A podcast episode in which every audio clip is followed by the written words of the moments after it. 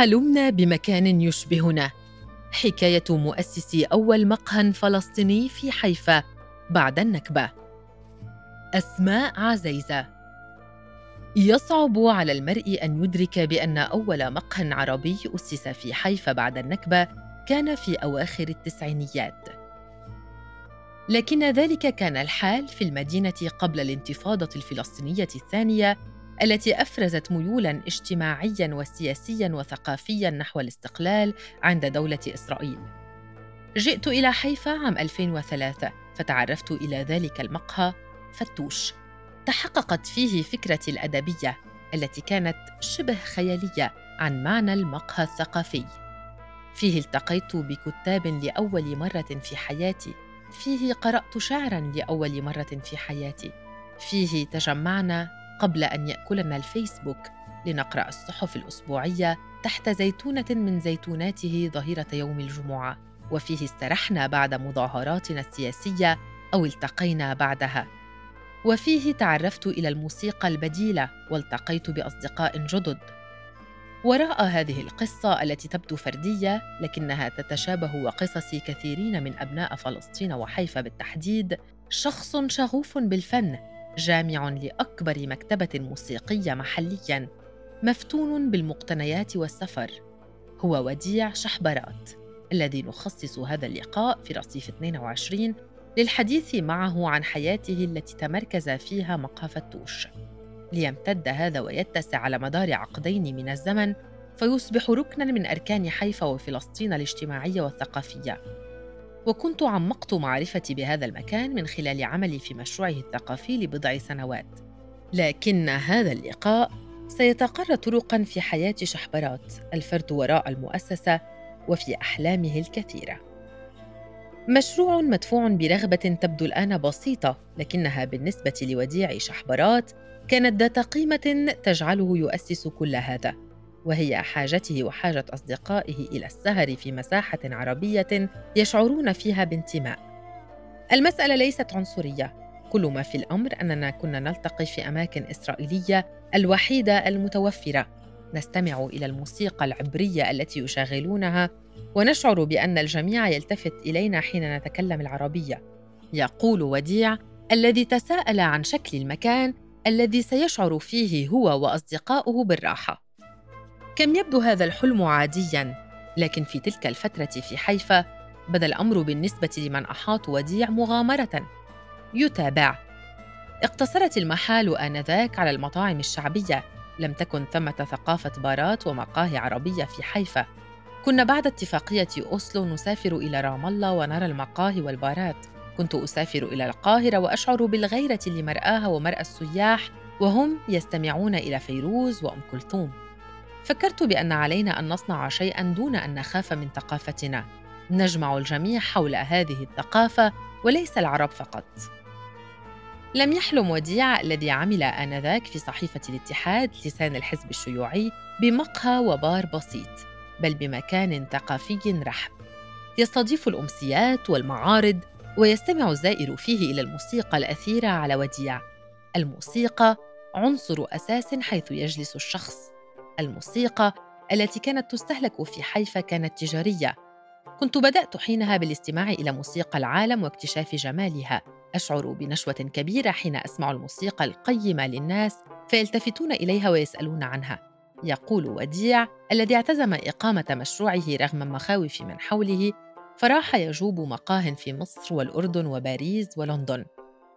لملم افكارا من هذه الأماكن وبدأ يبحث عن المكان المثالي.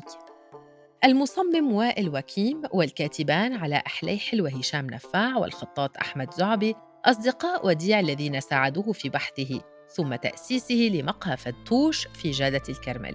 الشارع المركزي الذي استوطنه الألمان عند منتصف القرن التاسع عشر والذي يطل على معبد البهائيين من الأسفل.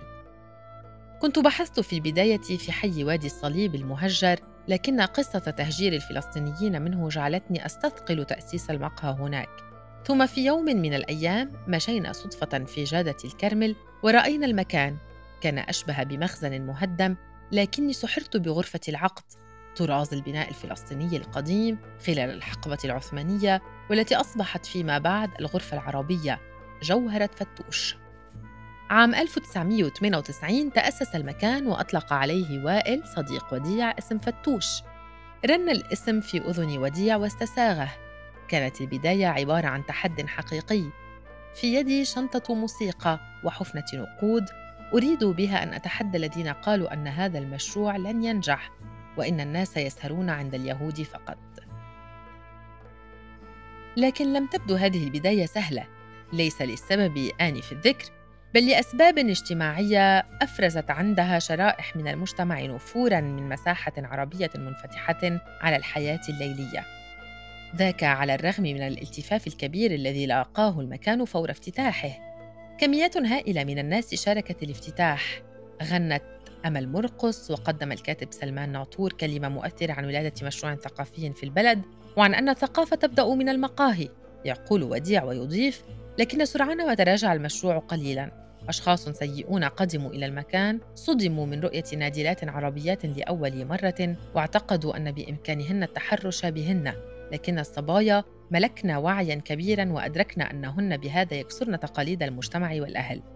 يستذكر وديع حادثة قتل بشعة ارتكبت بحق إحدى النساء العاملات في مكان اعتبرت كنادلة تسكن وتدرس في حيفا على أنها عاهرة. فهمنا السبب وراء تراجع العمل عقلية الناس.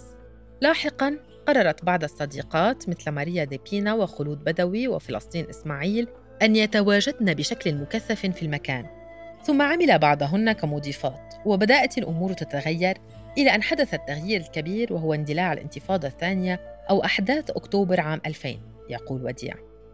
وقتئذ ارتاد العرب المساحات العربية إثر الوضع السياسي المتوتر والمشحون وبدأت أعداد كبيرة من الناس ترتاد فتوش من سهروا في المحال اليهودية وجدوا ملجأ وأنا قمت باستغلال الموضوع وتطوير المكان حتى حقق سمعة واسعة عند مرتاديه داخل البلاد وخارجها في السنة الرابعة والخامسة لتأسيسه. أقمنا ليال ثقافية، جمعت أفكارا من الأصدقاء وطبقتها، يقول وديع. عند هذه المرحلة غدا فتوش فضاء اجتماعيا يحمل اللقاءات وتقاطعات المجتمع الثقافية والسياسية والاجتماعية. وكما تحلقت الشعوب القديمة حول النار وصنعت حواراتها وقصصها تحلقت الشعوب المعاصرة في المقاهي لتصنع حكاياتها. وجد الناس أرضاً خصبة للقاء وإقامة المشاريع والفرق الموسيقية والمواعدة، فقد تزوج كثيرون بعد مصادفات في فتوش. شعر الناس آنذاك بأن ثمة مكان يشعرون فيه بالفخر في حيفا، مكان يشعرون بأنه خاصتهم. يؤكد وديع الذي بدأ بتقديم دعم مادي لمشاريع فنية وثقافية في حيفا من باب تشجيعها والترويج للمكان أيضاً. ويضيف لاحقاً أسس زبائن فتوش مقاه جديدة في حيفا وخارجها. أذكر مقهى تأسس قبل فتوش وهو الزيتونة في الناصرة وقد أغلق بسبب ضغط الإسلاميين لا يمكن أن يفصل الزائر تجربة زيارة فتوش عن الموسيقى التي يسمعها في المكان ينحاز وديع لأجناس موسيقية متنوعة ومترامية الثقافات جمعها على امتداد سنوات طويلة. بإمكاني أن أتحدث عن حقبتين موسيقيتين. الأولى كنت فيها مستمعاً للبوب والأغاني التي راجت في قناة MTV وبعمر 15 عاماً انتقلت من مدرسة الداخلية في القدس إلى حيفا للعمل كمراسل لصحيفة الاتحاد والانضمام إلى إطار الشبيبة الشيوعية. أهداني صديقي وائل ألبوماً لفرقة الجاز الأرمنية Night Ark فسحرت بالألحان الشرقية التي تدمج بالغربية هكذا. وبدأت أزور دكان الموسيقى بشكل يومي. تعرفت إلى الجاز الشرقي لربيع أبو خليل ثم إلى نصرات فتح علي خان. أصبح ذلك عادة يومية أنكشف فيها على موسيقى جديدة من العالم وأجمع ما يمكنني جمعه من المال لاقتناء الأسطوانات. لاحقاً عند التاسعة عشر من عمري أخذت مادة تاريخ الموسيقى في جامعة حيفا وتزامن ذلك دخول عالم التصميم الجرافيكي. باستطاعة وديع تمييز الجغرافيا التابعة للموسيقى وتقري مركباتها عند سماعها. تنقل بين إسبانيا وفرنسا وإسطنبول ومصر ولندن وبرلين فجمع كميات كبيرة من الموسيقى وعرفه أصحاب المحال التي تبيعها. فحظي مرتدو فتوش بهذه الكنوز. أعتقد بأن فتوش أصبح بيتاً للموسيقى. أذكر أنماطاً كانت صعبة على التلقي لكن الناس استساغوا سماعها كجزء لا يتجزأ من تجربة المكان. أعتبر سفري سياحة موسيقية وجلب للموسيقى مشاركة لمتعة شخصية مع الناس.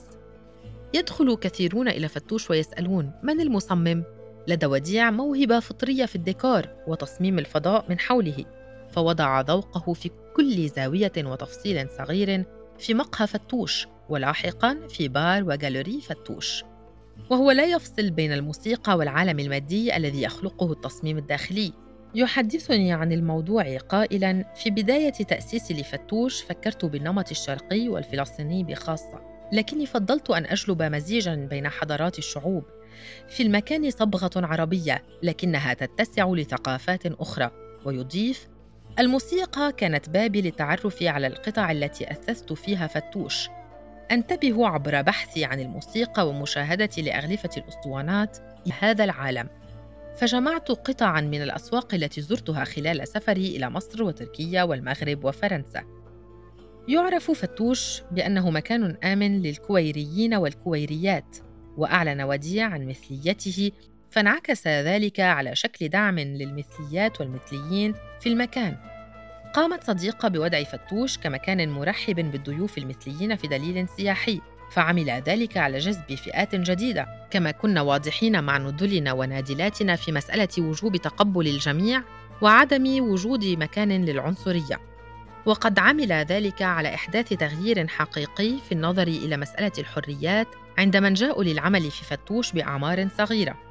يذكر وديع حادثة جاءت فيها عائلة عربية متدينة إلى فتوش وجلست بقرب طاولة تجمع حولها مجموعة من الشباب المثليين. فطالب رجل من تلك العائلة بطرد مجموعة الشباب حتى يستمر في جلوسه. تصرفت النادلة بتلقائية ومزقت الطلبية وطلبت من العائلة بلطف أن تغادر. عبرت مجموعة الشباب حينذاك عن شعورها بالأمان وعسانا لمسنا في حيفا دورا للفضاءات العامة في السنوات العشر الأخيرة إلى جانب نضالات حقوقية منظمة في توفير عالم مرئي آمن للكويريين. يمل وديع من الروتين بسرعة. فيترجم ملله هذا بأمور بسيطة كأن يغير الأثاث وبأمور كبيرة كأن يؤسس للمشاريع الثقافية. فمنذ عام 2016 بدأ فتوش يعمل بشكل ممنهج على تقديم الثقافة فأسس أولاً متجر فتوش للكتب والفنون والموسيقى تزامناً مع افتتاحه لطابق إضافي في المكان احتوى على أربع غرف صغيرة وحميمة للجلوس هي غرفة جدي وغرفة جدتي وغرفة فيروز وغرفة تحية كاريوكا لكل منها نمطها الخاص وألوانها وأجواؤها. قدم متجر فتوش كتبا من العالم العربي ومنتوجات محلية يدوية الصنع وأسطوانات موسيقية. وأطلق معرضا سنويا للكتاب كان أشبه بمهرجان واحتفال بالكتاب والأدب والقراءة. ونظم الأمسيات الأدبية والفكرية والمعارض الفنية في الجالورية الصغيرة. تأسست هذه مع تأسيس فتوش كأول مساحة عرض فلسطينية في المدينة ونظمت المعارض لمئات الفنانين. بعضهم كان لهم فيها معرضهم الأول. هل مل وديع مرة أخرى؟ أول الأنشطة الثقافية التي رافقت فتوش هي المعارض لكن الجالوري في المقهى والمطعم صغيرة. حلمت بجالوري فسيحة تنسجم ومعارض كبيرة. حلمت بمنصة عروض كبيرة وبار أخاذ. فكانت فكرة تأسيس البار والجالوري. يقول وديع الذي وجد المكان المثالي لهذا المشروع عام 2018 شعرت بأن الناس انتظروا مشروعا كهذا وتعطشوا لمساحة يلتقون فيها في نهايات الأسبوع. وكان المكان مساحة عملاقة بتصميم عالمي يشعر معه الداخل أنه خارج المدينة. افتتح المكان في خريف 2019 في البلدة التحت في حيفا المركز التجاري. بار بمحتويات من مناطق مختلفة من العالم. سقف عال تتدلى منه قطع الإضاءة التي أضاءت سفينة أو قطارا قديما. مقاعد من أوروبا أوائل القرن الماضي. قطعا تدمج بين الصناعي والكلاسيكي. ومنصة كبيرة استقبلت عروض الموسيقى الحية والدي جي إلى جانبها جالوري فتوش الكبيرة لاستضافة وإنتاج المعارض الفنية. يقول وديع: الجميل في المساحة أنها مرنة وقابلة لاحتواء أي شكل من أشكال العروض. فنظمنا ليال صاخبة وأخرى للموسيقى الكلاسيكية والهيب هوب. نظمنا الأسواق للمنتجات اليدوية. استضفنا مسرح خشبة في عمل الكباريه فعرض العمل في مكان ينسجم معه. عروض الأزياء. معرض فتوش للكتاب. انتهت هذه الرحلة مؤقتا بسبب فيروس كورونا. الذي اضطر فتوش معه إلى إغلاق المقهى والبار والجاليري حتى إشعار آخر. لقد عمل فتوش وفق نموذج يدعم فيه رأس المال مشروعا ثقافيا في ظل الظروف الاقتصادية الثقافية الصعبة التي يعيشها الفلسطينيون في الداخل كونهم لا يتلقون دعما فلسطينيا ولا يريدون بمعظمهم أن يتلقوا دعما اسرائيليا. حول هذا النموذج الثقافي المستقل يقول وديع أؤمن بامكان أن يدعم رأس المال الثقافة لكننا دخلنا مشروعا كبيرا وهو البار والجالوري الذي صعب علينا الظرف الاقتصادي. الفنون البصرية والجالوري تحتاج ميزانيات ضخمة. الجالوري مغلقه حاليا إلى أن نجد طريقا لاستمرارها. سنقوم كذلك بعد اجتياز الجائحة بتطوير المشروع من جديد واستعادته من باب الاسم الذي حظي به وصنعه فتوش. وحول شكل الثقافة التي قدمها ويطمح فتوش في تقديمها يجيب وديع هوية فتوش واسعة فيها مكان للفن الحر والأشخاص الكويريين واليساريين وغيرهم. ينعكس هذا الاتساع في نوعية المرتادين تجدين الجمهور البرجوازي والطلابي العامل والعائلة والسائحة ويضيف قد يعجب الناس ما يقدمه فتوش وقد لا يعجبه لكني أنتقي ما يتواءم مع ذوقي الخاص وما يخدم قضية معينة وما يحرر فكرة في مجتمعنا. وفي كل شيء نقدمه أشدد على التجربة الحسية والسماعية والبصرية المرافقة للحدث.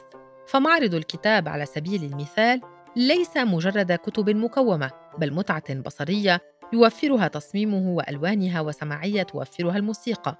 لا يرى وديع بأن هذه الهوية هي هوية حيفاوية بالضرورة فيقول على الرغم من الخليط البشري الذي يقال إنه حاضر في حيفا لكني أشعر بأنها مجزأة إثنيا وطبقيا.